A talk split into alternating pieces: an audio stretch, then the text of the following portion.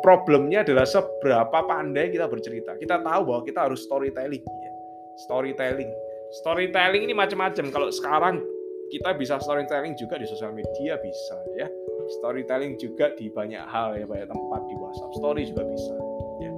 Storytelling ya.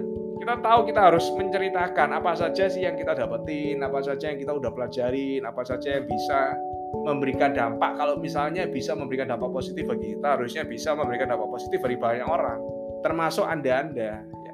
termasuk orang-orang kita sharing. Nah, kita tahu storytelling the power of storytelling ini penting. Nah, problemnya adalah apakah kita udah menguasai ya skill storytelling ini ya.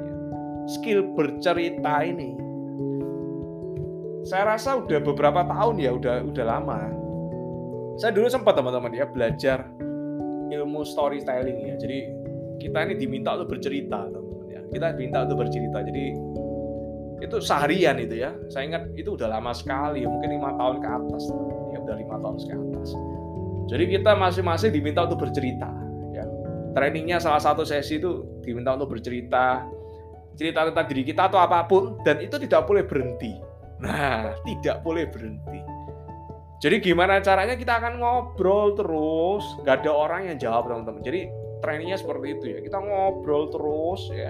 Lalu supaya kita nggak kehabisan topik pembicaraan ya, supaya kita nggak kehabisan topik pembicaraan, itu dikasih tips-tips ya. Jadi kita bisa lihat kiri kanan kita apa yang menarik ya, atau kita udah nyiapin sebelumnya itu top poin-poin ini ya. Kita tinggal kita ingat oh bentar lagi setelah kita ngomong ini kita ngomong ini. Oh bisa masukin ini bisa masukin ini bisa masukin ini sampai segitunya teman-teman dan saya pikir ngapain ya saya belajar storytelling ya? Ngapain saya belajar storytelling? Oh toh saya ini kan ini ya nggak jualan sebagai sales ya nggak jualan maksudnya bisnis tapi ya kan dulu kan saya bisnis konvensional teman-teman. Bisnis konvensional itu artinya ada barang harganya sekian semua orang udah tahu harganya sekian ya tinggal beli ya.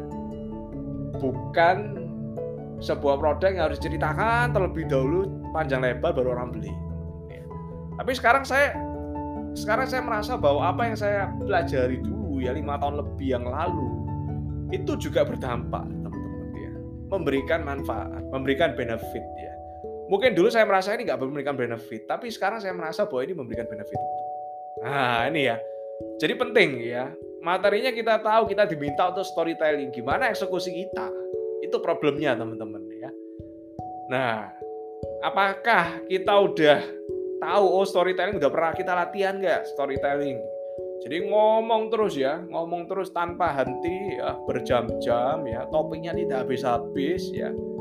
Itu gimana caranya?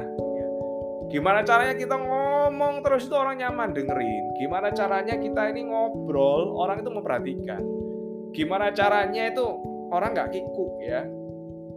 Kita ngomong terus itu gimana? Itu storytelling teman-teman. Nah ini salah satu contoh sederhana ya. Salah satu contoh sederhana